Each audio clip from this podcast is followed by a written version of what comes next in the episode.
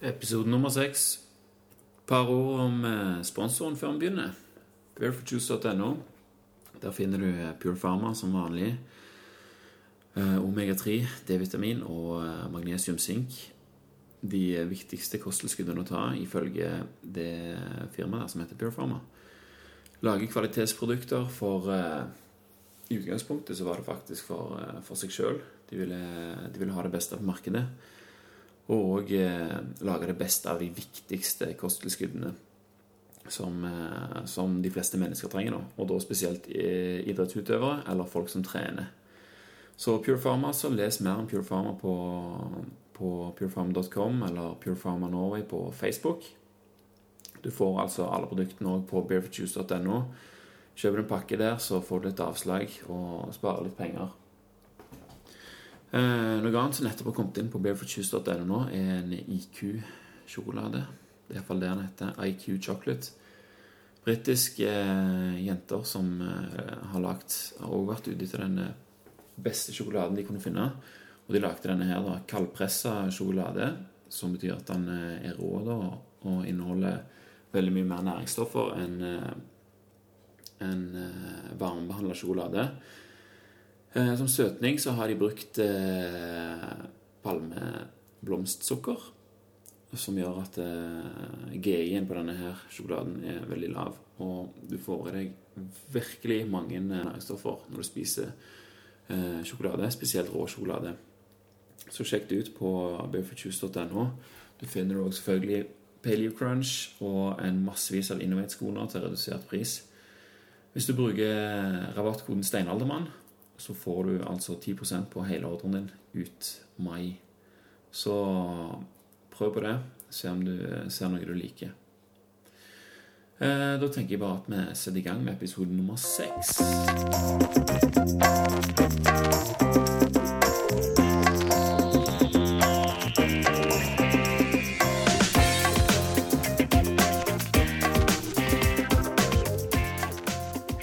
Velkommen til Stein Alderman podkast, episode nummer seks.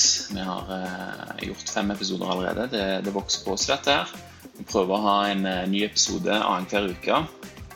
Eh, og denne uka her så har vi fått Oda Molt, og det var faktisk Kim Orderud, eh, forrige ukes gjest, baconkongen sjøl som anbefalte meg å ta kontakt med deg. Eller det var han som satte oss eh, sammen, var det ikke det? Det var det. Eh, det er jeg veldig glad for. For eh, da kan man møte nye, nye folk som har lignende interesser. Det er kjempebra.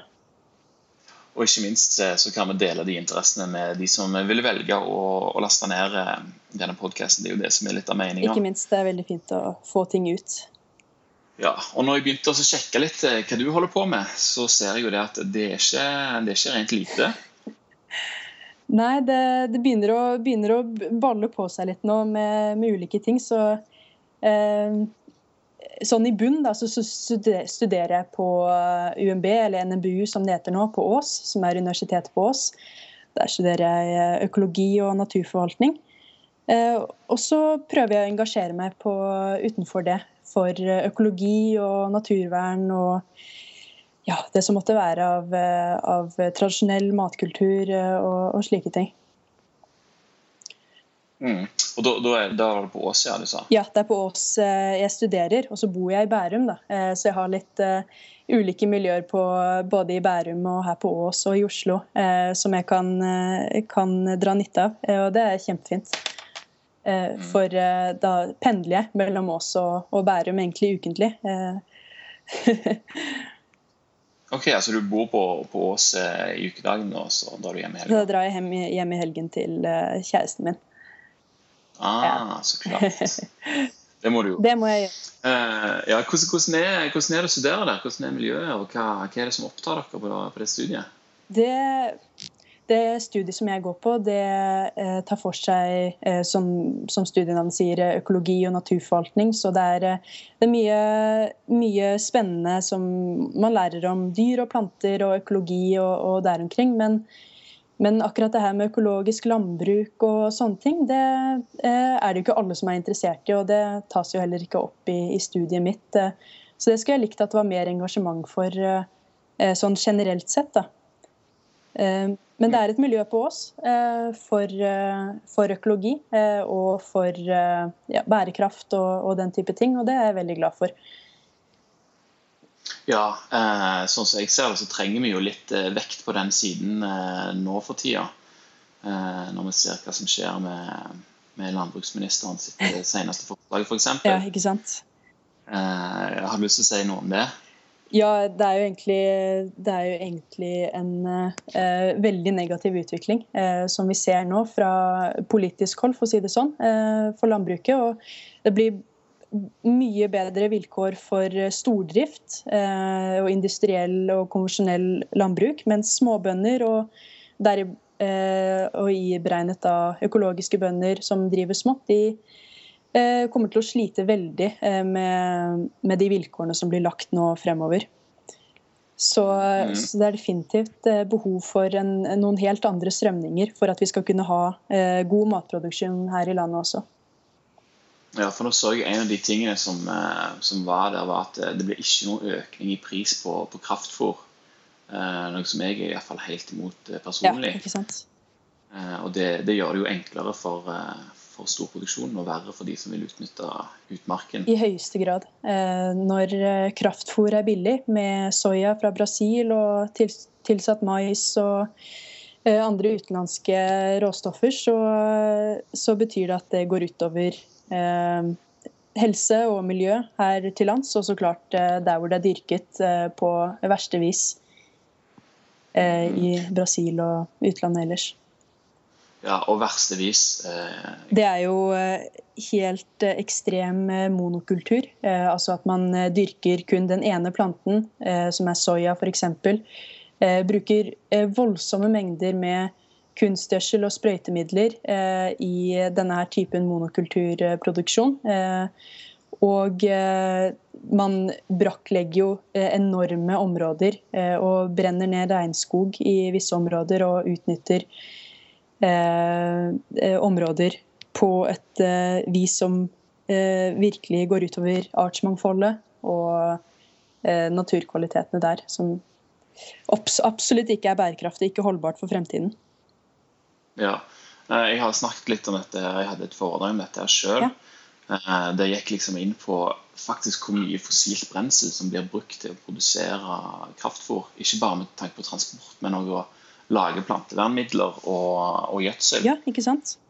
At det regnestykket der, det, det, går rett og slett eh, ikke opp. altså. Og Da hjelper det ikke at det står Nyt Norge på, på kyllingfiletpakken. For det, det, blir litt, eh, det blir litt feil, spør du meg. altså. Ja, ærlig talt. Og Nyt Norge, trygg norsk mat. Og så vet man at dette her er egentlig en, en helt uholdbar situasjon. Hvor man bruker ufornybare ressurser, altså fossilt brensel på å produsere fôret og kunstgjødselet og sprøytemidlene, eh, og så frakte dette halve veien rundt kloden. Og så stemple det med Nyt Norge. Ja, Så det skal liksom være mer kortreist eh, da enn f.eks. ei grasfòra ku fra Namibia? Ja, det, det blir eh, det, man, man, lurer seg selv, da. Og det, det, er en veldig dum ting å gjøre. Å fare med dobbeltmoral og, og, og lureri, for å si det sånn. Ja, for det er, jo, det er jo litt propaganda, vil jeg si. Ja, det er, det er klart det er det. Men eh, de som eh, tjener penger på norsk eh, industrilandbruk, de, de, vil jo så klart gi et godt image av det, og, og vil jo helst unngå å prate så mye om at, at det kanskje ikke er så, så vakkert, det da, det som er bak, eh, bak forhenget når det kommer til norsk matproduksjon. Ja, det, blir, det positive blir liksom at det, vi importerer mindre kjøtt og vi produserer mer kjøtt i Norge. da. Ja, ikke sant. Eh, det er en positiv vinkling på det. Ja, og vi produserer jo mer kjøtt her i Norge fordi vi spiser jo vi spiser mer kjøtt. ikke sant? Vi spiser mye med muskelkjøtt, vi spiser mye mer eh, kylling og svin. Veksten innenfor der har jo gått helt dramatisk opp de siste tiårene. Eh, mm. Mens eh, man spiser mye mindre beitefòret, og man spiser mye mindre eh, av dyret. Det er jo så mye nå som ikke blir spist. Ja, altså de fleste er jo vant med så Hvis de skal ha sin kjøttmiddag, så er det noe som er reinskåret og pakket i, pakket i, i plastikk. Pakket i plastikk og ferdig, eh, ferdig presentert og hive i panna. Og det liker jeg også, men jeg liker ikke tanken på da at eh, dette her er helt selektivt. ikke sant? Du tar brystfileten på, på kyllingen og indrefileten på, på storfe, og så presenterer det som det ypperste på dyret. Eh, noe vi vet at eh, det ikke er, for man må jo spise eh, alle stykningsdelene på dyret og, og, alt som dyret har å tilby for at man skal få best helse ut av det, og så klart best ressursutnyttelse også. Men de to tingene henger jo heldigvis i hop, da. Ja, de gjør jo det. Og når vi ser på den glansfulle pelsen på, på minkene som har produsert, så skjønner vi jo hvem som får den beste, beste biten av, av kaka. Ja, fy søren. Det er jo det er jo helt uh, galskap, det at uh, alle disse plussproduktene, da, uh, som de som er i, i næringen kaller det, og som vi i samfunnet ellers vil kalle avfall, ikke sant. det går til pelsdyrnæring og husdyr, husdyr, altså husdyrholdet. hund og katt, altså. Og så eh, går resten til eh, eksport til utlandet, Asia og Afrika, for de vet faktisk å sette pris på de næringsrike delene på dyret. Og så har du en stor andel som går til eh, proteinråvare hos Norsk Protein, som blir til fôr og gjødsel, det også. Så det er jo det er så mye på dyret som vi ikke eh, bruker til, til, vanlig mat her i Norge. Mm. Uh, og det er, liksom, det, det er, liksom, sånn de fleste, fleste spiser. Og, og det, desto flere som spiser på den måten, mm. desto mer eh, blir det jo selvfølgelig. Men så har vi jo altså, noen folk sånn som deg som eh, velger å tenke litt annerledes på det. Sånn som f.eks. dette her slow food-prosjektet med, med, lam. Ja. Så vidt inne på det her med Kim forrige gang. Men du har jo faktisk ansvaret for dette her i år, forstår jeg? Ja, nettopp. Jeg er med, jeg er med i styret i Slow Food, og det er i Asker og Bærum. da. Eh, hvor vi prøver å ha litt prosjekter for lokal matkultur og, og, få ut disse tingene som vi snakker om her i dag. Så da har jeg også dratt inn eh, Kim i det prosjektet nå. Eh, for han har jo benyttet seg av det i tidligere år. Eh, hvor man kan kjøpe sitt eget land da, hos en lokal bonde. Eh, og vår lokale bonde han heter Johan Persbråten. Eh, og da kan man fra nå på vårparten, når eh, lammene kommer til verden, så kan man komme til Persbråten gård og velge ut sitt eget lam og oppleve gården og fjøs og sauene og beite. Og så følge det gjennom sesongen i ulike aktiviteter som vi kommer til å legge opp. Og til slutt så klart så er det slaktesesong, og man, man har et eh, helt eget dyr i odel og eie. Og da kan man partere selv, eller få det partert eh, for seg. Mm. Kan, kan, du være med å slakte det òg, eller? Ja, det kan man ved avtale. Eh, det er jo vanskelig i dag med eh, lovgivningen som Mattilsynet setter og alt slik, så klart. Men hvis man er interessert i å slakte selv, så er det bare å ta kontakt, så, så kan vi finne ut av det. Hva skal man si uoffisielt, ikke sant? Ja, nettopp. Ja. Eh, litt sånn under bordet.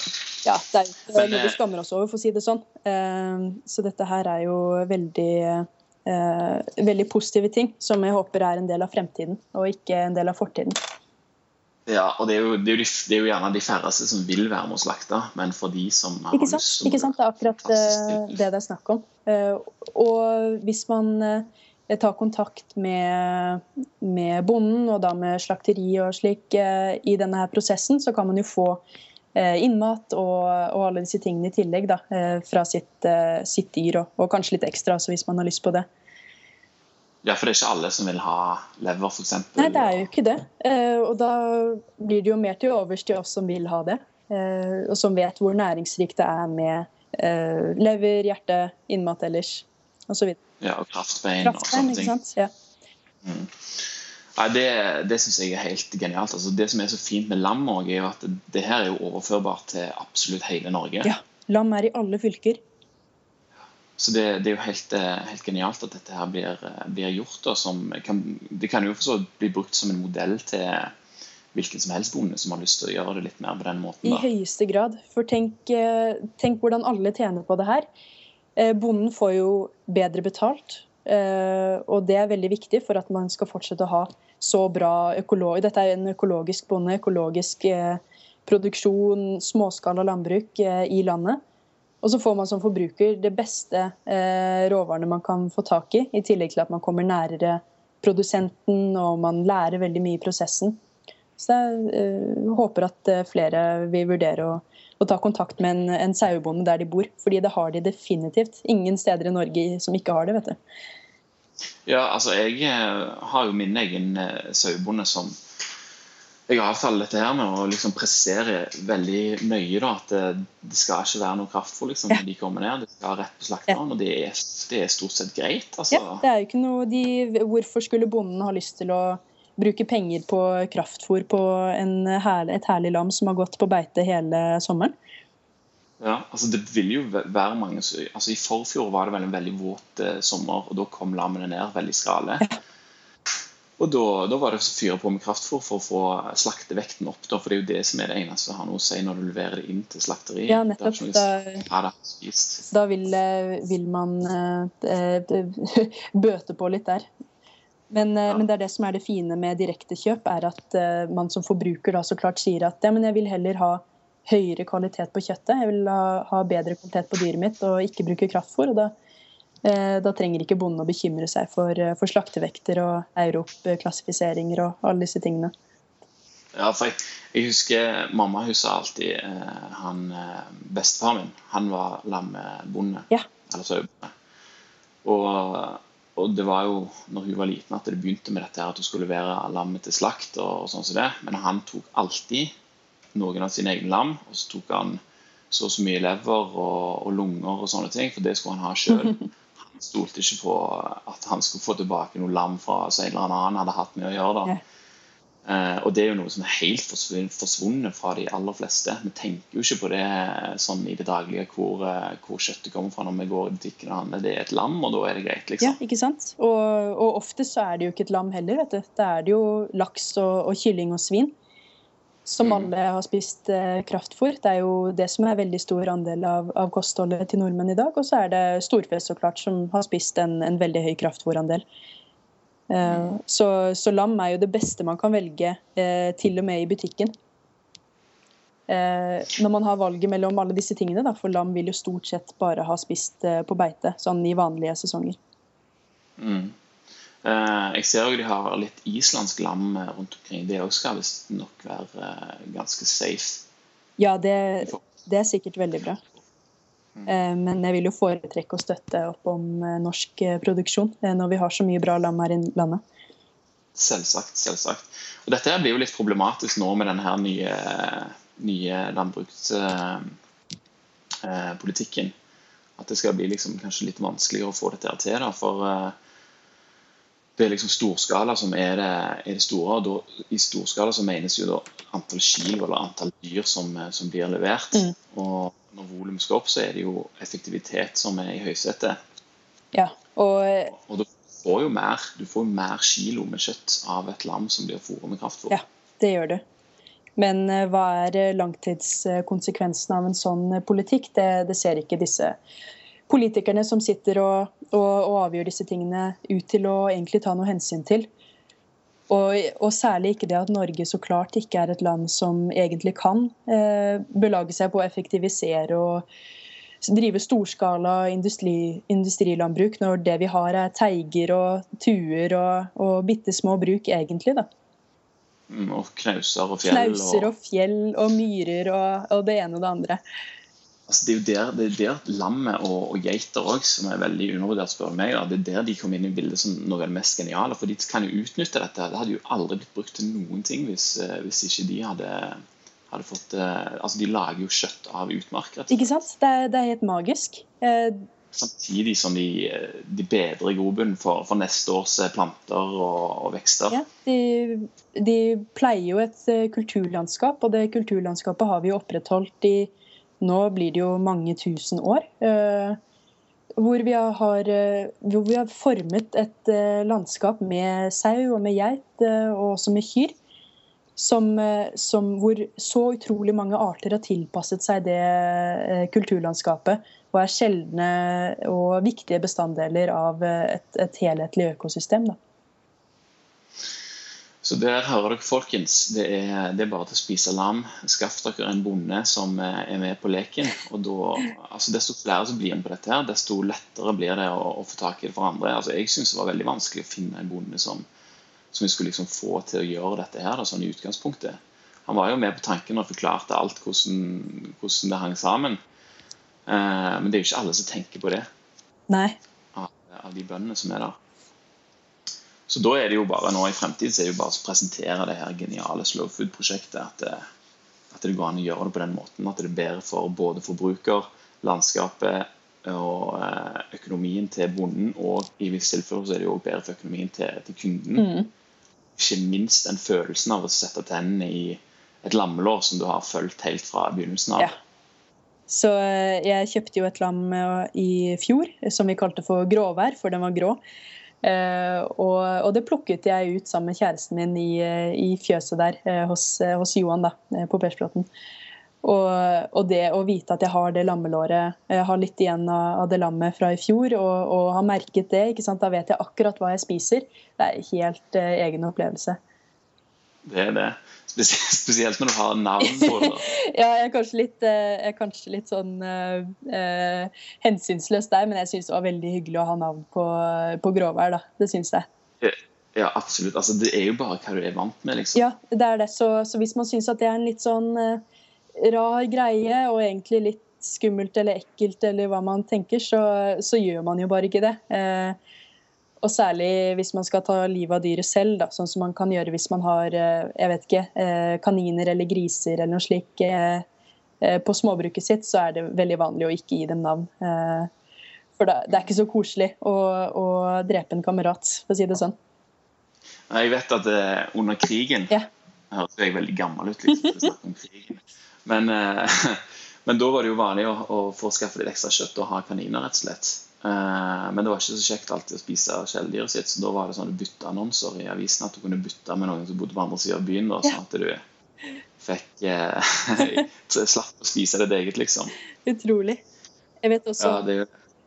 ja, jeg vet også at eh, på de dyra som uh, avler, altså de som eh, føder uh, de nye kaninungene, for å si det sånn, de har folk hatt navn på, noen, da.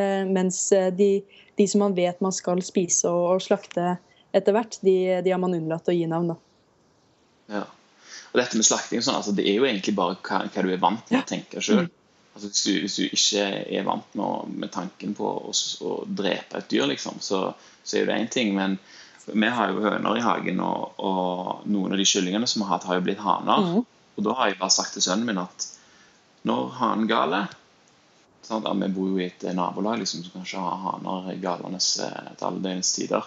Men når hanen først gale, da må vi slakte han. Ja. Så da kom han til meg springende og sa hanen gale, nå må vi slakte han. Mm. Ok, Så ble han med på det. Det var helt normalt for han, for han, han har jo blitt fortalt at dette er helt normalt, og at det, det vi skal gjøre, liksom godt forberedt på at det, det skal skje. Ja. Og da, da, er det ingen problem. Det er jo det det er snakk om eh, når man har blitt, virkelig blitt eh, eh, distansert fra denne her helt naturlige næringskjeden hvor dyr eh, fødes, de, de vokser, og så endes eh, livet til slutt i løpet av en sesong eller i løpet av noen år.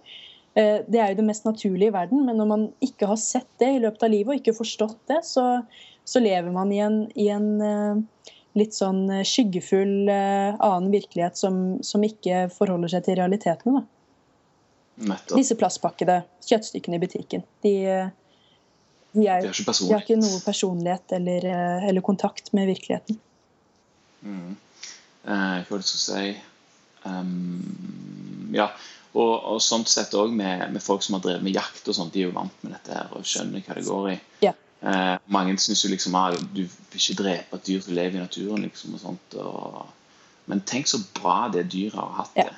hele livet sitt. Ganske bekymringsløst, og så plutselig en dag, der endes det. Og, og helse er på topp, og hormonproduksjonen er normal. Mm. Og og, og, sånne ting, i forhold til en gris eller en høne som har stått inne og spist det samme dag ut og dag inn og ikke har noe valg whatsoever. med noen ting. Ja, jeg er helt enig. Er, eh, jeg har vokst opp med en far som jakter. Eh, sel og hjort og rådyr og det ene og det andre. Så, så det, er jo, det, er jo, helt sikkert eh, derfra at jeg har hatt et utgangspunkt for å ha et mer naturlig forhold til det her at vi faktisk spiser dyr og, og dreper dyrene, og at vi må forholde oss til det for å være ærlige med oss selv. Klart. Sel, sier du? Ja. Det er jo ikke alle som driver med seljakt, men det er jo utrolig bra, bra kjøtt. Ja, det det er jo litt synd at uh, på en måte de sunneste tingene og de tingene som vi vet at forfedrene våre her til lands virkelig traktet etter og, og livnært seg på, at de er også de tingene som uh, hva skal man si, uh, er blitt mest påvirket av den moderne utviklingen med forurensning og slik. da. Mm. Med dioksiner, tungmetaller, opphopning av miljøgifter i næringskjeden, særlig den marine næringskjeden. Eh, så, så jeg, jeg, spiser gjerne sel, eh, og det er veldig spennende eh, vare sammen med hval. Når det er, når det er altså, virkelig human og bærekraftig jakt på hval, vil jeg merke. Men, men, jeg må nok si at jeg er bekymret for, for nivåene av miljøgifter og, og slike ting i, i, akkurat det. Ja, eh, her på Vestlandet og helt opp til Nord-Norge så er det jo tradisjon for å sanke måker. Ja. Egentlig, det er jo ikke så veldig mange som gjør det nå lenger, men der òg er det et problem med, med dioksin. og Det blir ikke anbefalt å spise måkeegg mye hver sesong. Nei, ikke sant? Ta, ta pauser av og til for å, for å ja, ikke få for mye, rett og slett. Rett og slett. Og det er jo, det er jo veldig synd, for det er jo altså egg Hvis du tenker at et høneegg, et økologisk høneegg er sunt, så kan du tenke deg hvordan et eh, måkeegg hvor sunt det er som har spist eh, sild og alt mulig ja. uh, fra havet. Det er, så, det, er det, det, aller beste man egentlig kan få tak i. Og samme med, med sel, og samme med veldig mye annet i, i havet da, som er stort og, og, stort og kraftig. Da er det kjempenæringsrikt. Men det er også hopet opp mer fra menneskenes utslipp ja, ikke bare utslipp, men jeg, jeg, så Jeg vet ikke om du har sett den her naturserien som har gått på NRK? Mm, nei, jeg har ikke TV.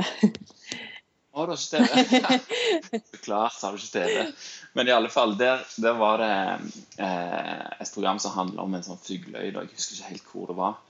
Men eh, det var jo et vakkert skue fra avstand. Men når du kom helt nærme, så var jo alle reirene det var stappfullt av plastikk og, og garn og dritt. Liksom, det var overalt. Så det er jo ikke tvil om at disse får det i seg, og at det, det er skadelig både for de og for de som eventuelt skal spise dem. Mm. Men eh, det kan ikke bare være så negativt. Nei, det kan ikke bare være negativt. Det er positivt. Så, Oslo Kooperativ, det òg nevnte vi litt eh, forrige gang. Kim han var nummer 1000 på ventelista, snakket han om. Ja, det, det stemmer. Dette her er i ferd med å bli veldig populært. Det er det. Eh, og vi klarer ikke å møte etterspørselen med, med eh, altså antall medlemmer som vi, vi, kan ha i Oslo Kooperativ. Da. For det er jo eh, det er veldig populært, forståelig nok. Fordi det er en ordning som gjør at man kan få tak i økologiske og biodynamiske grønnsaker direkte fra bonden uten mellomledd i Oslo og omegn. Så da forstår vi her altså at du selvfølgelig har en fot innenfor her òg. Ja, eh, jeg var med på å starte Oslo Kooperativ eh, i fjor, rett og slett. Eh, og det har vært bare en helt fantastisk reise og så utrolig lærerikt. Og så, så utrolig gøy også å se at det har vokst over all forventning på så kort tid. Det har egentlig bare gått ett år siden dette her ble lansert for offentligheten, for å si det sånn. Altså det viser jo bare at, at interessen for emnet er jo veldig stort. Mm. Eller enormt voksende. Så det her òg er jo akkurat som, som Slow Food-prosjektet, så er jo dette kooperativet òg en glimrende eh, sak å se på for andre byer som vil starte med, med lignende ting. Da. Det er veldig kopierbart, dette her med ja, de ulike prosjektene som, som handler om å tak i de lokale, gode råvarene og, og formidle dem til, til, til, menneskene som bor der lokalt, istedenfor at det skal inn gjennom et slakteri og formidling og sendes til andre siden av landet. Så, så jeg var eh, med på å starte opp Ås kooperativ også, her på Ås eh, på universitetet. Så det er definitivt kopierbart. Det er herlig, altså. Og hvordan er det egentlig da det virker for, eh, for en medlem å, å, være med der? Ja, nettopp. Eh, når man endelig blir medlem, da, etter å ha stått på venteliste eh, Det går ikke an å kjøpe seg en plass? Overhodet ikke. Vi er, vi er så ultraidealistiske at du aner ikke. Eh, så her er vi Jeg ser det for meg. Ja, ikke sant? Her er vi helt uh, ukorrumperbare. Uh, så, sånn det funker, da, er at uh, man blir medlem. Og da betaler man et andelsinnskudd, for dette er et samvirke. Og da, da kjøper man seg inn i samvirket for 200 kroner. Uh, og, og, da anses man som en, som en medeier i, i kooperativet SA, som det heter, samvirket. Og da, som medlem så har man mulighet til å bestille poser eh, med grønnsaker annenhver uke fra, som kooperativet setter sammen. Så da kan man komme, nå er det torsdag som er utleveringsdag, eh, komme annenhver torsdag og hente en, eh, en, ganske stor sånn bærepose som er av, av jute, faktisk. Sånn fiber som er gjenbrukbart med sesongens grønnsaker. Og de er eh, lokalt produsert. Og produsert eh, stort sett de fleste gårdene er faktisk eh, biodynamisk drevet. Kan ikke du forklare forskjellen mellom økologisk og biodynamisk? Det er sikkert ikke alle som vet. Du, det er jeg gjerne. For biodynamisk det er litt sånn Kanskje et begrep som er på en måte omhyllet litt i, i, i mystikk. Men det trenger det ikke å være, fordi det er, et, det er egentlig veldig konkret de, de, som er eh, innenfor det biodynamiske miljøet, var de som faktisk eh, stiftet og, og, og skapte Debio, eh, som står for Demeter og biologisk merkevareordning. Så da kan du på en måte si at det biodynamiske, hvor Demeter er merket merke deres, er som en slags storebror da, til det økologiske. Så eh, de har, eh, inneholder alt som det økologiske inneholder eh, når det kommer til merkeordningen. Så hvis du ser at noe er biodynamisk, så betyr det at det er alle punktene som økologisk er. Og så er det noen tilleggspunkter innenfor det biodynamiske. Og det er at en gård skal, være, skal søke å være selvforsynt med fôr og gjødsel, som er det man kaller for kretsløpslandbruk. Eh, og da betyr det at eh, gården må jo ha en ganske allsidig drift med kyr som eh, spiser gress og lokalt produserte tilleggsfòrvarer. Og kyrne, så klart, de lager jo gjødsel og melk. Og gjødselet det bruker man til å dyrke korn og gress og grønnsaker for å gi bedre vekst hos eh, plantene. Og melken så klart er jo fantastisk eh, tilleggsprodukt som vi får fra, fra kyrne. Vel å merke når den blir behandlet riktig. Um, og så er det litt andre ting innenfor det biodynamiske. At man skal bruke ulike slike eh, preparater, eh, som de kaller det. Som er eh, ulike eh, blandinger og stoffer som de lager for å øke fruktbarheten i jorden. Blant annet så bruker man Eh, kumøkk som man graver ned eh, i et kuhorn i jorden. Og, og, så lar det ligge der eh, og graver det opp igjen etter en tid. Og, vil, og, og så sprer man dette ut i en, i en fortynning ut på, på, åkrene. Det er en av preparatene. Og det vil da kunne øke jordfruktbarheten og det man kaller for humusoppbyggingen, som er matjordoppbyggingen over tid som er det stikk motsatte av det vi ser på monokulturer. Oh, ja. Det er jo, altså, det her er jo altså, biodynamisk. Det, det, det, er jeg veldig, veldig glad for at finnes, for å si det sånn, fordi det er den mest naturlige formen for dyrkning. For det er jo det at du bruker lokale ressurser, og du dyrker eh, Du har en allsidig produksjon på gården din istedenfor monokultur, som du sa. Eh, sånn at du, eh, du må ha husdyr på gården din, og det er jo helt så klart. fordi hvis du ikke skal bruke kunstgjødsel og sprøytemidler, så må du jo eh, ha noen som eh, foredler og lager godt, god gjødsel til deg også. Mm. Ja, det, det, altså det, er helt Det er jo et fantastisk system, og det er jo sånn, sånn det har blitt gjort mm. eh, mye før. Jeg vet ikke om du kjenner til en, en bonde i USA som heter Joel Salatin? Jo, jo, jo. Jeg kjenner veldig godt til han. Lest uh... Han er mitt store idol. Altså, ja. Han, eh, er helt fantastisk. Ja, han driver kretsløpsjordbruk. Uh, og fordi han ikke sant, han uh, har jo kyr som han roterer rundt på åkrene sine, eller på beitene sine, for at de skal kunne ha en mer naturlig eh, på en måte sånn vandring, sånn som, sånn som beitedyr har i vill tilstand. Og så kommer jo disse kyllingene etter kyrne og spiser av eh mark og sånn som eh, ligger etter dem. og Det er helt fantastisk. Ja, altså fluelarver som kommer da selvfølgelig i møkket ja, til kuene. Ja. Så er det liksom tre dager etterpå, da er fluelarven klar, da kommer høsten inn, sant, og så videre og så videre. Og det er jo helt, det er jo helt genialt. altså For han er det genialt for produksjonen sin del at han sparer jo penger på fôr. Ja. Samtidig som produktet får en helt annen kvalitet. Og du får, får utnytta den ressursen der som gjerne ellers bare hadde uh, forsvunnet, rett og slett. Mm. Det hadde jo bare gått opp i luft, det. Ja, nettopp. Altså, det ser du òg sånn, hvis du har sett på sånn naturprogram fra Afrika der det kommer en sånn bøffelgjeng liksom, gående rett gjennom, så er det jo massevis av fugler som kommer bak. Sant? Det de lever av, at de er der. Så det som etterligner sånne ting, det, det syns jeg er utrolig interessant. Altså, Iallfall når du ser hvor mye du får ut av det. Jeg syns jeg er veldig imponert over det han Joel Seletten har gjort i USA. og Han er også en veldig han, han er veldig uredd og, og driver jo med mye eh, Han har jo skrevet bok nå Uh, folks, this ain't normal. uh, han er sine fyr, altså. Ja, han uh, må sjekke det ut på YouTube. altså dere som har sjanse Bare søk på Joel Salatin. Ja. Så får dere se alle disse tingene han holder på med. Han er en veldig festlig kar. Men det her kan vi gjøre i Norge også. Og jeg kjenner minst én bonde som er veldig inspirert av ham. og og så klart også har funnet ut dette på egen hånd gjennom biodynamisk tenkning og, og det å imitere de naturlige prosessene.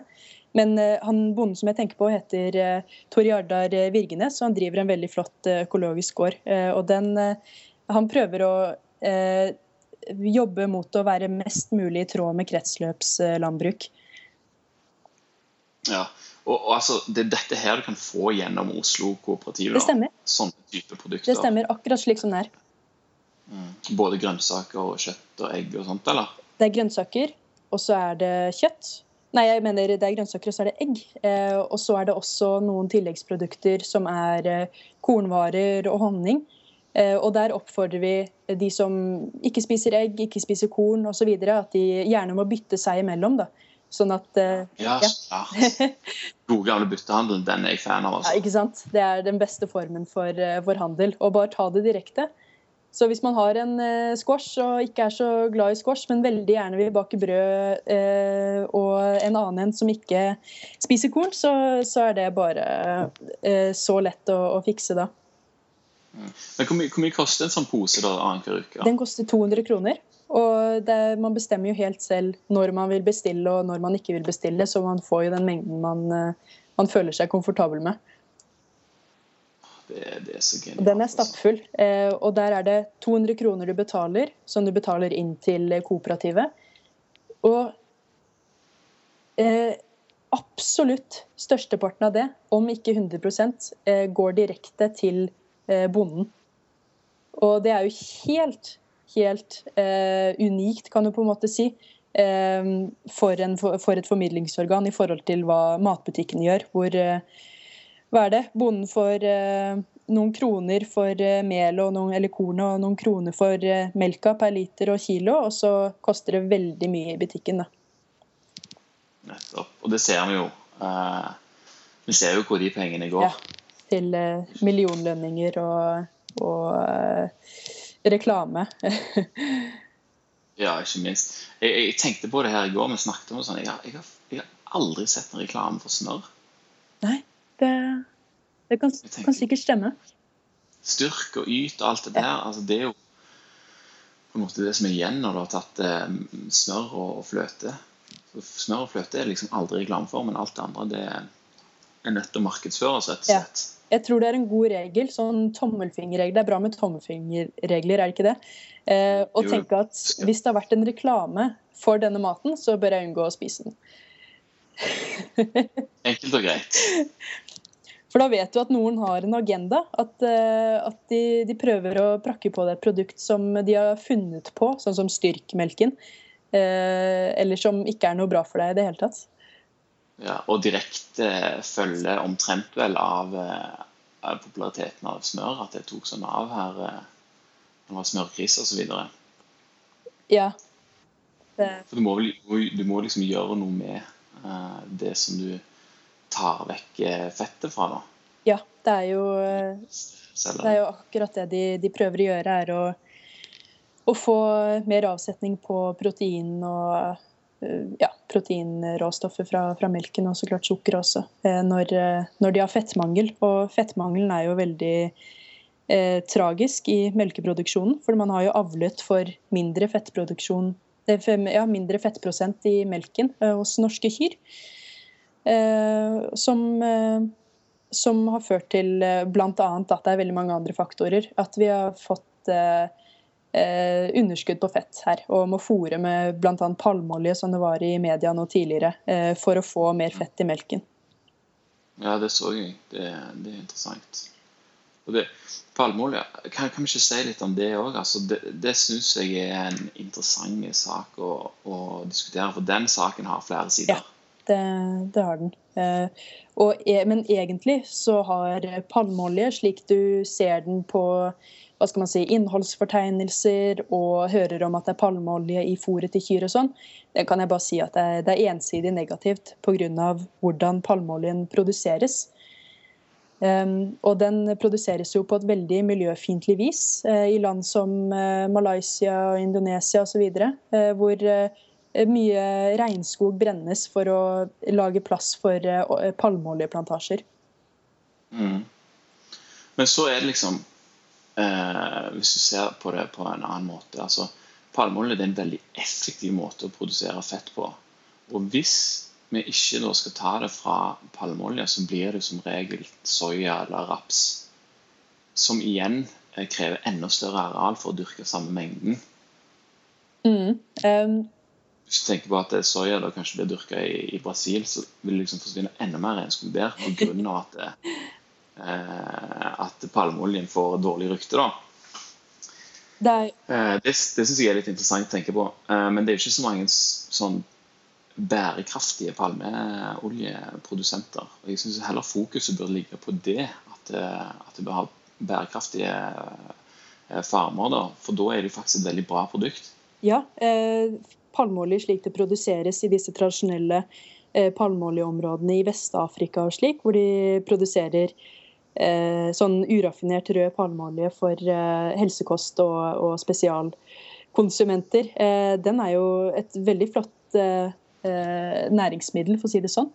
Men palmeoljen som er høyraffinert og produseres i palmeoljeplantasjer i eh, India, Sørøst-Asia og slike ting, det, den er jo stort sett veldig miljøødeleggende. Så fokus burde jo egentlig ligge på ikke hva er det man erstatter palmeoljen med når man tar den vekk, men hvordan kan vi eh, unngå eh, disse her problemene fullstendig da, med soya, palmeolje osv. Med å jobbe for mer eh, norskprodusert eh, fôr, både på protein og, og hvordan øke fettprosenten naturlig eh, hos kyrne eh, på norske fôrråvarer. Mm. Og da er det egentlig gras som er Det er det. Det er, det er gress og, og kyr, eh, melkekyr med den, eh, den, det melkenivået som de må holde nå, eh, som er eh, mange, mange tusen liter eh, i året. De trenger litt energitilskudd, eh, og, og den kan gjerne komme fra lokalt produsert eh, eh, korn og belgvekster og slike ting. Eh, og der er det sikkert masse innovasjon man kan gjøre på å gjøre de eh, eh, korn og belgvekster og slik eh, best mulig fordøyelig for, eh, for kyrne. Da. Ja, nettopp. Og da kommer vi inn på noe òg som eh, dette her med best mulig fordøyelig. Mhm. Eh, med litt sånn av gårde her.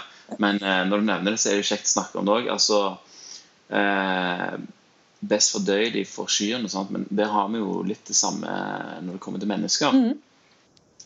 Eh, korn og, og belgfrukter og sånn. Hvordan er den beste måten å, å få mennesker å fortære det, kan du si? Ja, nettopp. Fordi jeg tipper mange som, som lytter til podkast her og slik, er jo eh, bevisste på det at eh, korn og belgvekster og slik, det kan gi helseproblemer hos mennesker. Og det, det er jo helt riktig, fordi disse plantene. Da. Det er jo plantedeler vi spiser når vi spiser korn og, og erter og, og frø osv. De vil jo ikke bli spist selv. Eh, de prøver å beskytte seg med kjemisk eh, krigføring mot eh, alle som måtte prøve å spise dem av enten det er sopp eller bakterier og mikrober eller store dyr sånn som oss. da, Enten med én eller flere mager. Og, og, da må jo vi som mennesker eh, gjøre noe for at eh, den kjemiske krigføringen eh, fra, fra, korn og fra belgvekster og slik ikke skader oss. Ja, At det blir litt nøytralisert? Ja, at det blir eh, mer nøytralisert. At man reduserer disse skadelige stoffene.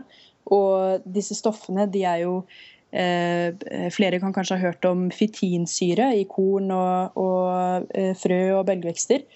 Som er eh, et eh, stoff som binder opp eh, mye mineraler som er naturlig i kornet, slik at det ikke er tilgjengelig for kroppen. Og i tillegg virker irriterende for tarmsystemet og også binder til seg andre mineraler i, eh, i fordøyelsen. Eh, ja, og det, det som òg er litt irriterende med, med, akkurat det, er jo at det er jo mest betynsyre i eh, fullkornsprodukter. Ja. Ja. Men det liksom blir markedsført som veldig sunt og mye fiber og mye mineraler. Men dog eh, vanskelig å ta opp, og kan skape problemer i tillegg. Det har jeg iallfall opplevd sjøl. Ja. Det, det opplever kjempemange, og det er kjempemange som er der ute som opplever helseplager, men ikke er bevisst på De, de, de tenker jo ja, men jeg spiser jo sunt. Fordi de spiser i slik eh, kostholdsrådgivningen sier, at du skal spise fullkorn og, eh, og spise grovt brød osv. Eh, men det man da har ikke har tatt høyde for, er jo at vi har eh, glemt de tradisjonelle tilberedningsmetodene av korn. Og eh, eh, veldig Altså de, eh, de, kulturene som har basert seg eh, på korn og belgvekster som hovednæring, de har mange, mange prosesser som man må gjøre før man baker brød eller lager grøt eller hva man enn gjør med, med korn og, og erter osv. før man spiser det for at man skal eh, gjøre det eh, sunnere og bedre for, eh, for, mennesker å spise, slik at vi ikke blir syke av det og får mer næring ut av det. rett Og slett. Og Det er jo sånn som eh, surdeig, som mange sikkert har hørt om. Og eh, bløtlegging, eh, melkesyregjæring og ulike sånne gjærings- og fermenteringsprosesser vil bryte ned stoffer slik som fytinsyre og, og lektiner osv. Mm. Og her kan vi jo Eh, takke han eh, dr. Weston A. Price mye for, eh, for å ha spredd kunnskap om dette her, da, akkurat når det var i ferd med å forsvinne. Ja, han var jo en tannlege på 30-tallet som observerte jo at det var veldig mye tannråte og hva skal man si Boken hans som heter 'Nutrition and Physical Degeneration' den går jo ut på det at, eh, at, det var mye physical degeneration, altså sykdom, i den vestlige verden. Eh, hvor man hadde begynt å spise veldig mye prosesserte varer, altså hvitt mel, eh, hermetiske grønnsaker, syltetøy, og kaffe osv. Så, videre. så han var jo tannlege, så det var hans interessefelt. For han så det at når eh, man spiste sukker og hvitt mel osv., så, videre, så så fikk man tannråte. Og man fikk faktisk også Det var veldig høy korrelasjon med tuberkulose og eh, eh dårlig beinbygning, dårlig helse generelt. Så hans altså, han, han, mente liksom da at eh, eh, Var det ikke sånn at han mente at eh, tennene var liksom et speil på hvordan den generelle helsen til den personen var? Ja, det er det jo. og hvis du har god helse, så vil, du, så vil du, alltid ha gode tenner. Men hvis du eh, ikke har eh, god tannhelse, så, så, så, betyr det at noe er galt. Eh, kanskje på et mye dypere nivå enn bare at man ikke pusser tennene. For det oppdaget jo han at kanskje ikke var så viktig. Eh, det viktigste for hull i tennene, det var kostholdet. For han reiste rundt i faktisk hele verden sammen med konen sin og besøkte alle slags avkroker eh, i, eh, i, verden som fremdeles levde tradisjonelt og spiste sine tradisjonelle kosthold. Og undersøkte tennene deres. Og det han fant, var jo at eh, karies, altså hull i tennene, og, og generell tannstilling og og helse generelt også, beinbygning og mental helse, intelligens, var strålende hos tradisjonelle folkeslag som ikke hadde gått over til denne vestlige dietten på mel og, og sukker og, og, kjøpevarer, da, men fortsatt spiste de varene som de hadde gjort eh, siden begynnelsen av, for å si det sånn.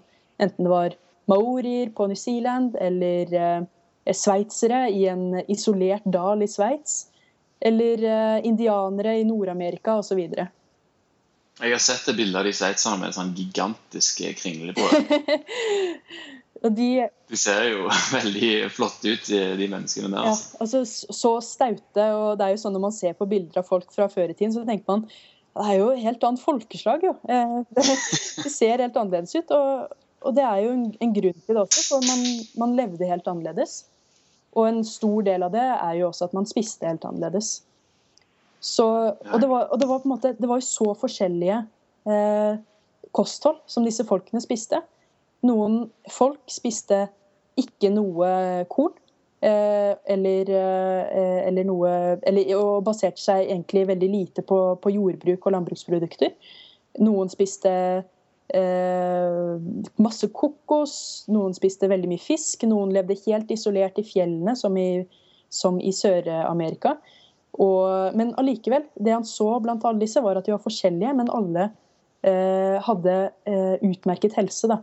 Så da så han etter fellesfaktorene eh, i de ulike kostholdene.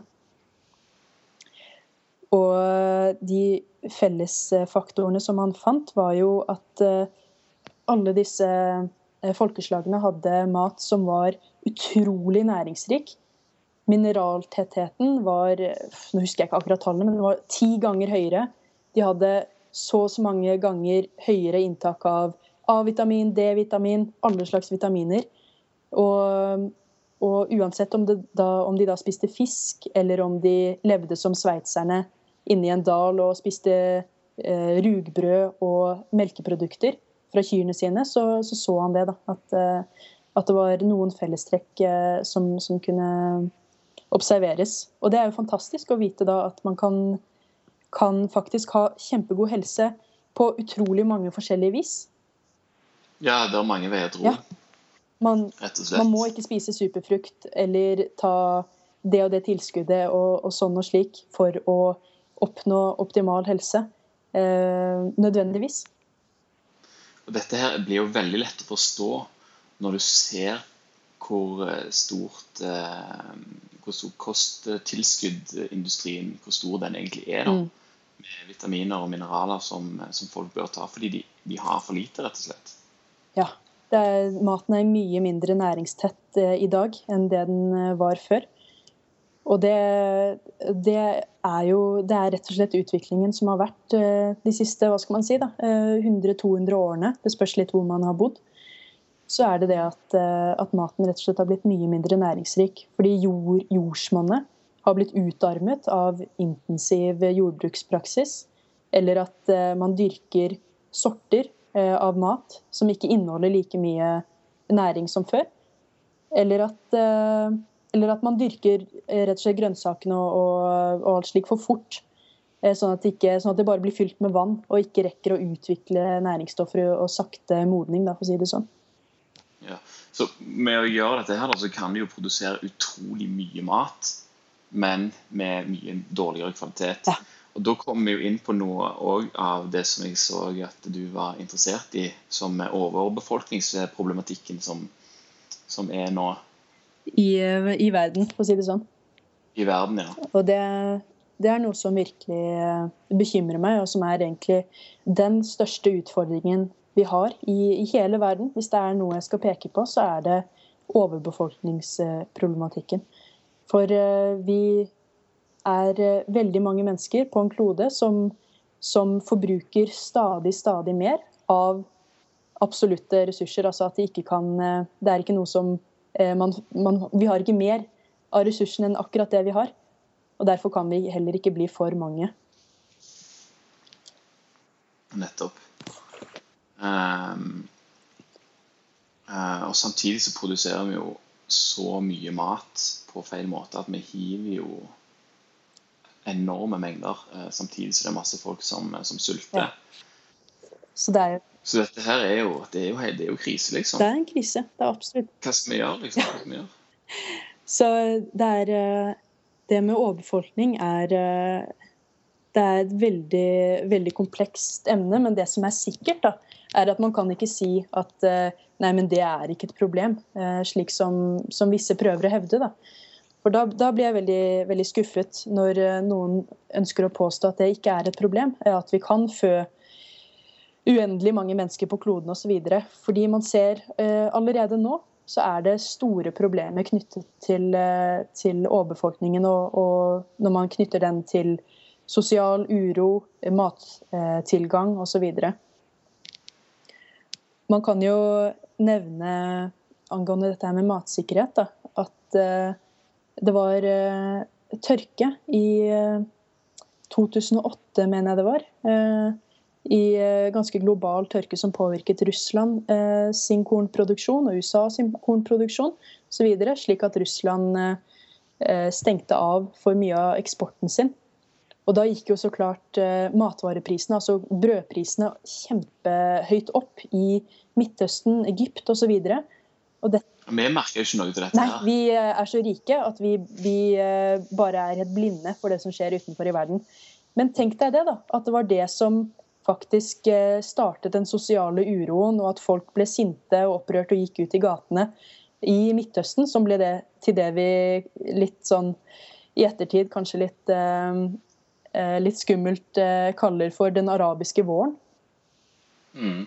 Så, så, det at det, er, eh, at det skal bli enda flere mennesker, fra 7 milliarder i dag til 10 milliarder, kanskje ja, hvis, hvis, vi har akkurat den samme veksten som vi har i dag på befolkning, så vil det være 28 milliarder i løpet av dette århundret. Eh, og det skjønner jo alle at, at det er eh, veldig mange mennesker som skal dele på de samme ressursene, enten det er eh, vann, mat, fossile brensler, plass osv.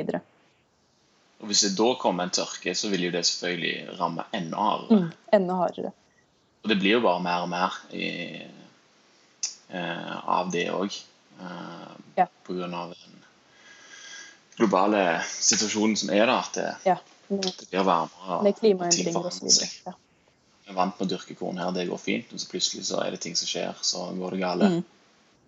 Så jeg skriver og er med i redaksjonen for et uh, online uh, magasin som heter Kulturverk. Uh, og der prøver vi å belyse temaer sånn som overbefolkning, siden det er et veldig viktig emne som ikke får så mye oppmerksomhet.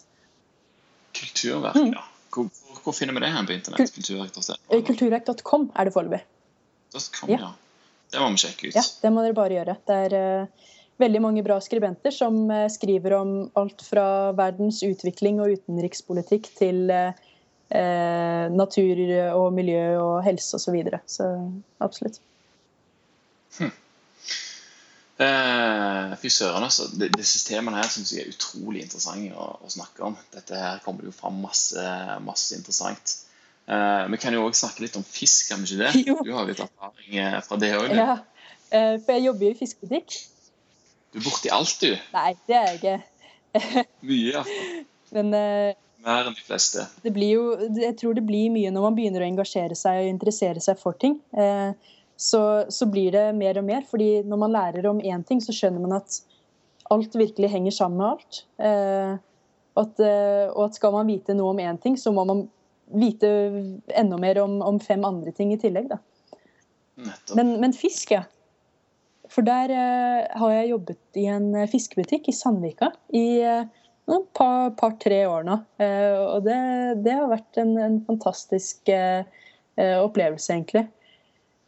For eh, jeg kunne jo litt om fisk eh, fra før. Eh, det var jo sånn jeg fikk jobben også, at jeg ikke var helt blank på området. For jeg hadde jo fisket i barndommen og holdt på litt med både ferskvannsfisk og, og saltvannsfisk, men ikke noe mer enn det som kan anses som normalt. da. Men så fikk jeg denne jobben i fiskebutikken, faktisk gjennom kjæresten min. Det var jo veldig hyggelig. Og så har jeg jobbet der nå som Eh, helgehjelp og enkelte uker og i sommeren osv. Eh, I en god stund nå. Og eh, der butikkene til fiskeriet, fisk vilt fra havet, og vi er veldig opptatt av viltfanget. Fordi det, det, er også noe som jeg er veldig opptatt av. At når man spiser fisk, så bør det være viltfanget. Fordi vi har så mye fisk i havet ennå. Det blir jo mindre og mindre av det, så det er jo en fordel at vi ikke også der bruker masse soya eller bruker av, eh, av minkende fiskeressurser i havet for å fòre opp denne evinnelige laksen. Da, ikke sant? Ja, Den er jeg så lei av nå, den laksen. Altså, det, de kommer ikke på tale å kjøpe det til middag. Også. Nei, jeg, jeg var, var, ikke helt klar over problematikken rundt oppdrettslaks eh, og slik da jeg begynte å jobbe der, men etter hvert så har jeg blitt uh, veldig obs på det og skrev en oppgave på det på studiene mine. Uh, ah. ja. uh, om rundt miljøproblematikken på oppdrettslaks. Uh, og, og, lærte veldig mye rundt der. Og nå i butikken, jeg har jo påvirket på min måte, og de andre som jobber der, bl.a. sjefen min, er jo også veldig opptatt av økologi og den type ting. Så nå prøver vi å selge nesten da, utelukkende økologisk oppdrettslaks, som er jo i hvert fall hakket bedre i butikken vår, da. Mm. Eh, og da går det vel selvfølgelig òg mye på sesongmat. Jeg er jo superfan av å bruke eh, sesongfanga fisk, sånn som sild og makrell og skrei og sånne ting. Ja. Det er jo fantastisk å kunne følge sjømat gjennom sesongen. Og sjømat er jo en, på en måte, eller hvis man ser bort fra grønns... Eller ja, egentlig, det er egentlig det samme på land og til vanns, men det er kjempespennende i hvert fall å, å se hvordan sesongene endrer seg med, med fisk og og sjømat, og hvordan kvaliteten er veldig forskjellig. F.eks. For på vinteren og på sommeren når det kommer til skalldyr. Ja. For der er jo eh, Reker er jo veldig populært å spise om sommeren, og det skal jeg ikke hindre noen i å gjøre, fordi det er, en, det er, det er skikkelig digg, rett og slett. Men det er, ja, det er tradisjon i Norge. Ja, det er det. Men det er jo på vinteren at rekene smaker aller best. Det er jo det. Eh, for da har de gått i kaldt vann og, og, og, fått enda høyere kvalitet. Så det burde man prøve hvis man bare har spist reker på, på sommeren. Å spise det på vinteren er det mye billigere også, da, selvfølgelig på vinteren. Etterspørselen er mindre og tilgangen er større. Ja, det kan godt hende. Eh, noen holder jo så klart en, bare en jevn pris og prøver å, å, jevne ut i løpet av året, mens eh, andre vil jo kunne ha billigere på vinteren når etterspørselen er lavere. Ja. Og Det som, det som jeg syns er veldig interessant med, med sånn som så, eh, sild og skrei, mm. det er jo dette her med D-vitaminer. Vi har jo i, som bor i Norden og Nord-Europa, vi har jo lys ut for at vi skal produsere mer D-vitamin når det først er sol. Men eh, hva skjer da på, på vinteren? eh, når det ikke er sol, da må vi få det fra en annen plass. Og akkurat når sola forsvinner, da kommer silda, som er ganske full av D-vitamin. Og rett etterpå så kommer skreien, som har eh, et D-vitamininnhold i leveren som er helt uh, utrolig. Altså Det snakker om 100 gram med, med lever er tilsvarende omtrent uh, eh, 10-15 minutter på stranda i bikini i et tropisk klima. Ja. Og da, da, sier det jo litt om hvordan, hvordan vi har overlevd langs uh, norskekysten helt opp til, til nord. ikke bare i Norge, men i hele verden, egentlig. Mm.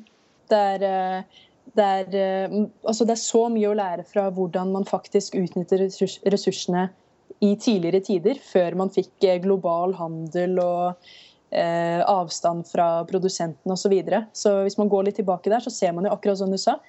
Når eh, vi trenger det mest, så, så kommer, eh, kommer, løsningen, da, for å si det sånn. Ja, eller at vi er der fordi at løsningen var ja, Nettopp.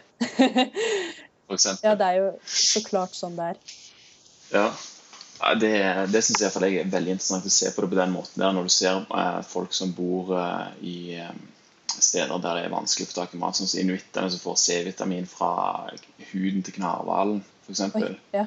Altså, det, er jo, det er jo helt eh, fantastisk at det er sånn det fungerer. Eh, at det er sånn de får næringen sin der, de, der det finnes, rett og slett man, eh, man eh, skjønner jo det at hvis det har bodd mennesker der i hva skal man si, tilstrekkelig lang tid, så forstår man jo at det er fullt mulig å eh, Eller var, da, for å si det sånn, eh, å leve på det kostholdet som man, man, kunne ha basert på råvarene som var der. Og ha flott helse, kunne fø opp friske barn, ha god fruktbarhet osv. Helt klart. Um bare litt tilbake til, til kooperativet. Um, om det er sånn at, eh, at, du kommer inn der og så gjør en innsats, er det at det går på rotasjon hvem som pakker disse her posene og sånn? Ja, det stemmer. fordi vi er jo et, et kooperativ, ikke sant? Et, et samvirke. Så det betyr at for å ikke skulle ta noen penger for at vi er et mellomledd mellom bonden og forbrukeren, så betyr det at man som medlem da, er med og pakker disse posene. Og det, når vi er så mange medlemmer som vi er nå, som er 700-800 medlemmer, og i fremtiden dobbelt så mange og trippelt så mange, så betyr jo det at det er en ganske grei arbeidsmengde fordelt på veldig mange mennesker. Eh, som gjør at det egentlig ikke er, eh, At det er veldig overkommelig da, for alle og enhver. Ja, så er det jo hyggelig òg, og sosialt. Og... Det er kjempetrivelig. Man møter jo så mange mennesker som i hvert fall har én Eh, felles interesse, og, og, veldig ofte veldig mange andre felles interesser. Og det er så hyggelig å kunne møte andre eh, i, i, en sånn fin setting hvor man jobber sammen og sånt. Det gjør man jo så lite eh, nå for tiden, eller hva? Ja, helt enig. Og ikke minst at alle som er der, er takknemlige for at de kan gjøre det. Ja. Det har jo enormt mye å si, det òg. Det er jo ikke, noe sånn pliktarbeid som man gjør ut av ut av eh, trass, på en måte. Man, man, gjør det fordi man vil gjøre det, og man syns det er en, en, flott ting man gjør. Og man vet at man støtter fantastiske bønder, og at varene man får, er virkelig beste, de beste varene man kan få tak i. Eh, og at eh, når man kommer hjem, så skal man lage en, eh, en skikkelig, god, eh, eh, skikkelig god mat. Da. Ja, sant med de, de følelsene der som altså, den sosiale sammenkomsten. Altså det blir jo dratt med inn i måltidet. Akkurat som med, med slow food-lammet, f.eks. Mm. Det her med matkultur og matopplevelse er, er noe som er veldig, veldig viktig, syns jeg er veldig viktig å formidle. Eh, fordi mat, altså mat er jo mer enn bare karbohydrater og protein og fett som man putter inn, inn i seg. Det er jo det er kultur og smak og opplevelse. Og, helse. Og, og, helse i tillegg. Eh, og, at, eh, og, at, man ikke må eh, overse eh, disse kulturelle delene, som er å hygge seg med maten, bruke tid på å lage den, og, og også at maten gjerne har en At du, at du kjenner opphavet, da, har en historie bak det. Da, da, vil du også oppnå bedre helse ved å, ved å, fokusere på de tingene. Og så klart, når du lager mat fra bunnen av, så, så, vil du vil også ha sunnere mat. Da. Ja, og disse her tingene de sprer seg jo av seg sjøl eh, fra de som holder på med det. Uh, uh, altså De vet at dette her er bra, de snakker om det til andre folk som òg blir med på det. Mm. Mens folk som, uh, som, gjerne ikke vet helt hva som er liksom grunnlaget for hvorfor det er sånn, hvorfor dette er bedre og sånt, de ser gjerne bare aviser en dag så står det om denne VKM-rapporten, f.eks. Ja. som liksom på en måte hva, hva skal si om det, det ødelegger jo litt, på en måte. Ja, når man på en måte ikke har tenkt noe rundt eh, emnet om eh, økologisk mat og eh, matkultur og produksjonen av maten og alt sånt, og så får man bare vite da, i tabloidene eh, hvor tabloidene skriver eh, økologisk mat er ikke sunnere. Og der, eh, Det var jo nå, for litt siden, ikke sant. Og ikke bedre for miljøet heller. Ja, så man får stadig vekk eh, høre disse tingene, og det er særlig VG eh, som skriver om det. Men eh, du får jo også levert det i alt fra Dagbladet til D2 osv. Men, men det her er jo veldig tabloide oppslag som prøver å, å, hva skal man si, være litt prøver å være litt eh, mot det som folk kanskje egentlig vet intuitivt, da, for at det skal slå opp eh, mye leserantall osv. For eh, denne rapporten, eh, som kom ut nå nylig fra eh, Vitenskapskomiteen for mattrygghet, den slår jo absolutt ikke fast at eh, økologisk ikke er sunnere. Det eneste den slår fast, er jo at man ikke vet nok. Og det er en veldig stor forskjell. Ja, det er en stor forskjell. Det er det absolutt. Uh, og da er, jeg synes det er veldig irriterende at det blir De fleste oppfatter det jo sånn som det blir presentert i, i media. Ja. Men, uh, men, heldigvis så har vi jo såpass mange gode krefter som jobber i motsatt retning, da, at det sprer seg på en, en, måte som gjør at det er mye mer eh, bærekraftig på sikt. da. De som virkelig får dette her inn, de, de bryr seg jo om det. Til tross for eh, hva de leser i avisene. Mm. For den eh, informasjonen som man får fra mennesker man stoler på, og, og den erfaringen man selv gjør da, når man er i kontakt med ting, enten man eh, kjenner at det smaker bedre, eller at det gjør eh, kroppen bedre, eh, eller at man får bedre eh, helse og, og, vet at det er bedre for hva skal man si, samvittigheten med tanke på dyrevelferd og miljø osv. Det, det er en veldig, veldig kraftig argument, så klart. Mm. Men heldigvis så har vi også vitenskapen eh, på, på, vår side også. Eh, det som er problemet, er jo at det er ikke gjort nok eh, forskning på området, rett og slett. Om økologisk og sprøytemidler og, og disse tingene. Så dette snevre det snevre området som forskningen hittil har kommet til, det er jo mye mindre enn det vi selv kan komme til gjennom fornuft og, og, og tanker som vi selv gjør oss. Mm. Så det er jo bare å prøve, liksom. Hvis du liker det, så er det bare å fortsette med det. 100% Det er ikke verre. Det er ikke verre. Men du, eh, den her mat- og vinmessen, det er òg noe som du holder på med? Ja, eh, det er faktisk noe jeg holder på med veldig i eh, ikke, ikke, i snakkende stund, men, men både før og, før og, etter denne praten her, så kommer jeg nok til å jobbe med det. For det er Norges største mat- og vinmesse som jeg er så heldig at eh, jeg får være ansvarlig for eh, i år. Eh, og den skal holdes 22. mai. Og der kommer veldig mange lokalmatprodusenter, økologiske produsenter og ulike spisesteder i Oslo osv. skal komme og, og, virkelig presentere det beste de har. da. Hvor, er det her er i Gamle Losjen i Oslo. Det er like nede ved Akershus festning og slik. Veldig flott Så... bygning. Ja, det er kult, altså. Og hvordan kan vi komme oss på messe? Må vi kjøpe noen billetter, eller? Ja, eh, da er det billetter eh, som man kan kjøpe på deltaker.no. Og for å finne billettene så går man på matogvinmessen.no, og så kan man følge lenken for påmelding eh, derfra. Så det er bare å melde seg på. Det kommer til å være mange foredrag og så klart hundrevis av viner som man kan smake på hvis man er interessert i det. Ja, for det er jo lov å drikke litt vin? Ja. Det, hvis man eh, er glad i vin, så syns jeg man skal kunne kose seg med litt god vinkultur. For eh, det er jo kommet veldig mange bra eh, økologiske og biodynamiske viner på markedet. Og det tror jeg mange har fått med seg på Vinmonopolet osv. Ja, du ser jo det. Mm. Personlig så er jeg jo fan av den økologiske sideren som jeg har. Jeg har byttet ut øl for lenge siden. Ikke sant? Det er jo fantastisk smak på dette her, og kjekt å lese litt på flaskene hva produsentene eh, hva, hva, de vektlegger i produksjonen. og sånt, og Sånn er det vel med vinen òg. Sånn er det absolutt med vinen. så Når man kommer på messen, så kan man snakke med de kjempeengasjerte importørene som kan så mye om vin. Og så klart de importørene som har økologiske viner og naturviner og slik, de de vet jo kjempemye om det, og da kan man snakke med dem om hvordan det produseres og alt slik. Vinfolk de er skikkelig engasjerte, og de reiser masse rundt og besøker vingårder og er på smakinger og alt sånt, så det er kjempeartig å være med på det.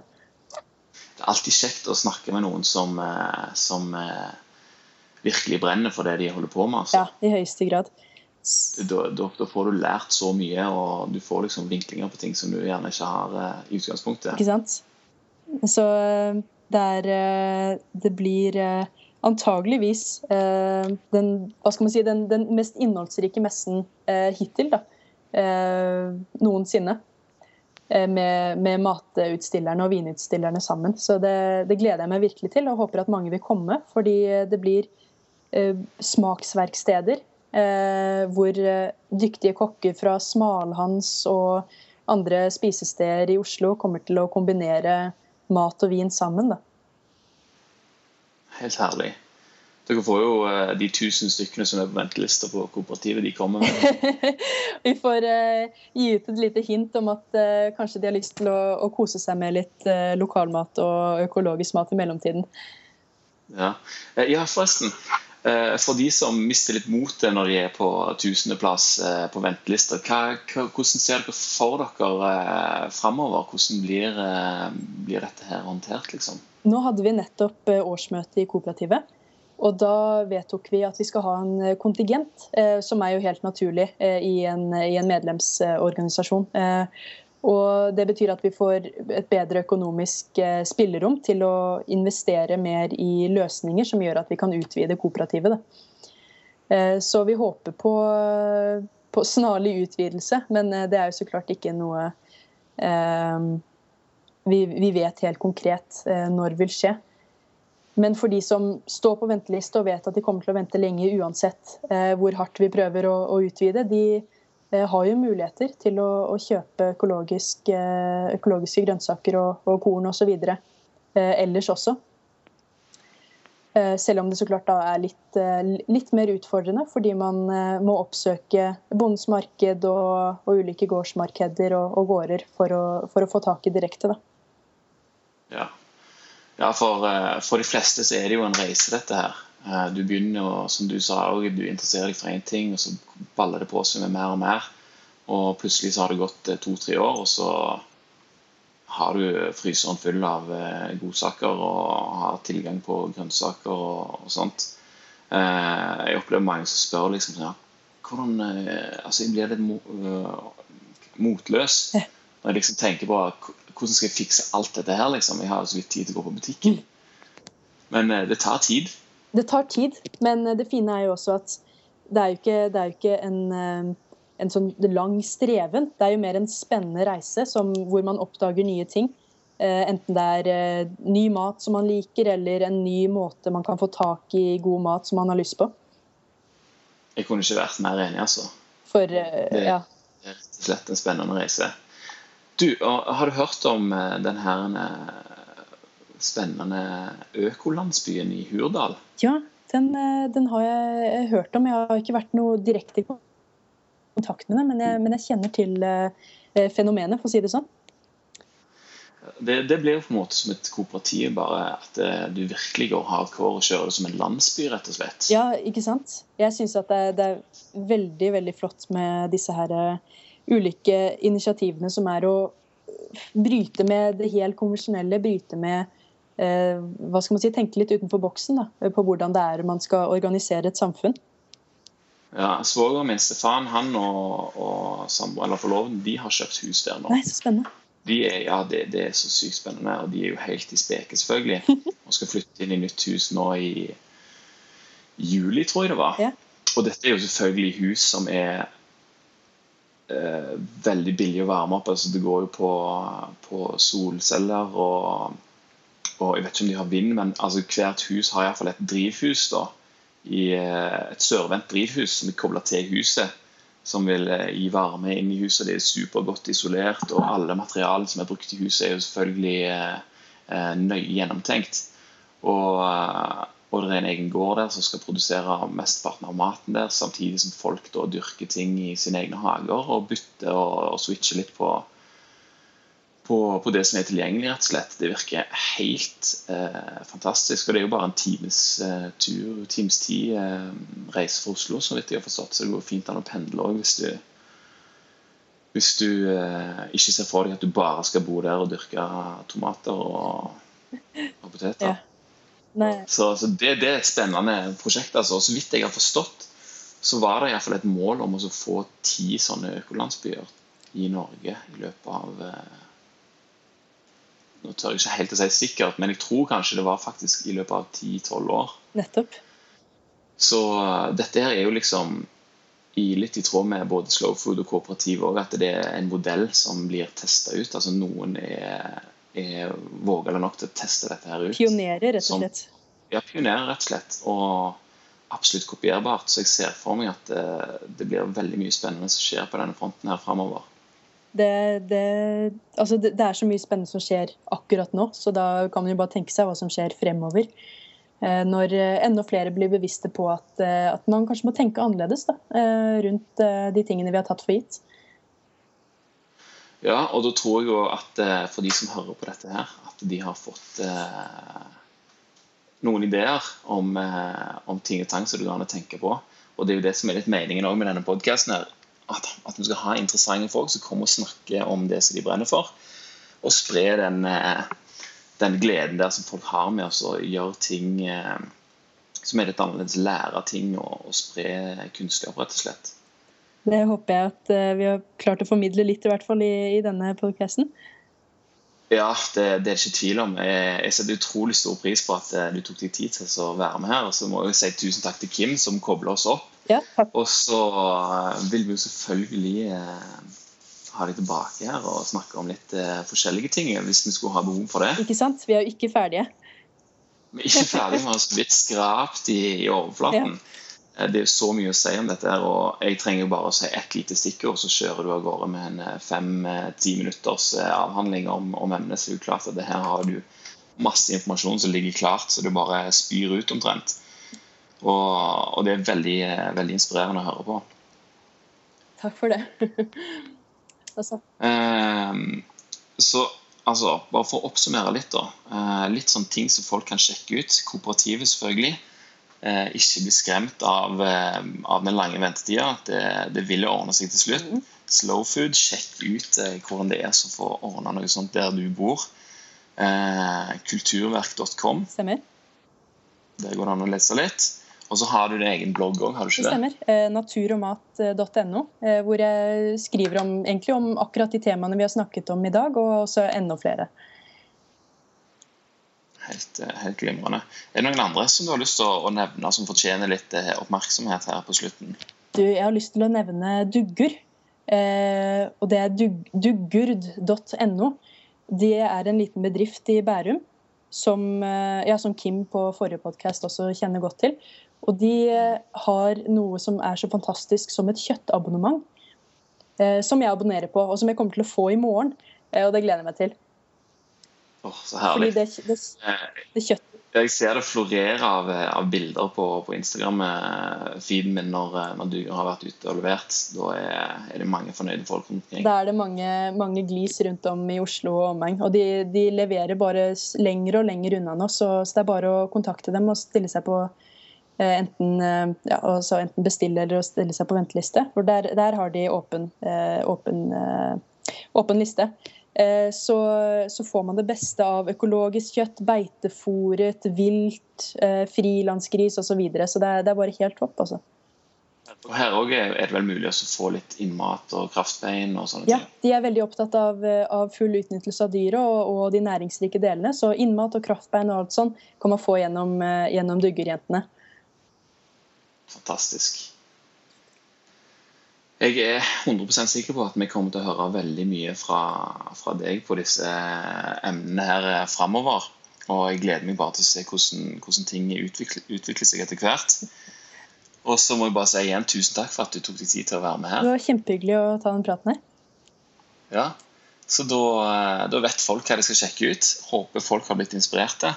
Eh, hvis dere vil høre mer om, eh, om, sånne ting som dette, her, så vil vi ha nye podcaster eh, så godt vi klarer, iallfall annenhver uke. Gå inn på iTunes og abonner på podkasten der, så får du den rett inn på telefonen din eller eh, Mac-en eller PC-en din når det kommer en ny episode. Så er det bare til å, å høre etter. Da sier jeg bare tusen takk til deg. Tusen takk selv. yes. Ha det bra. Ha det bra.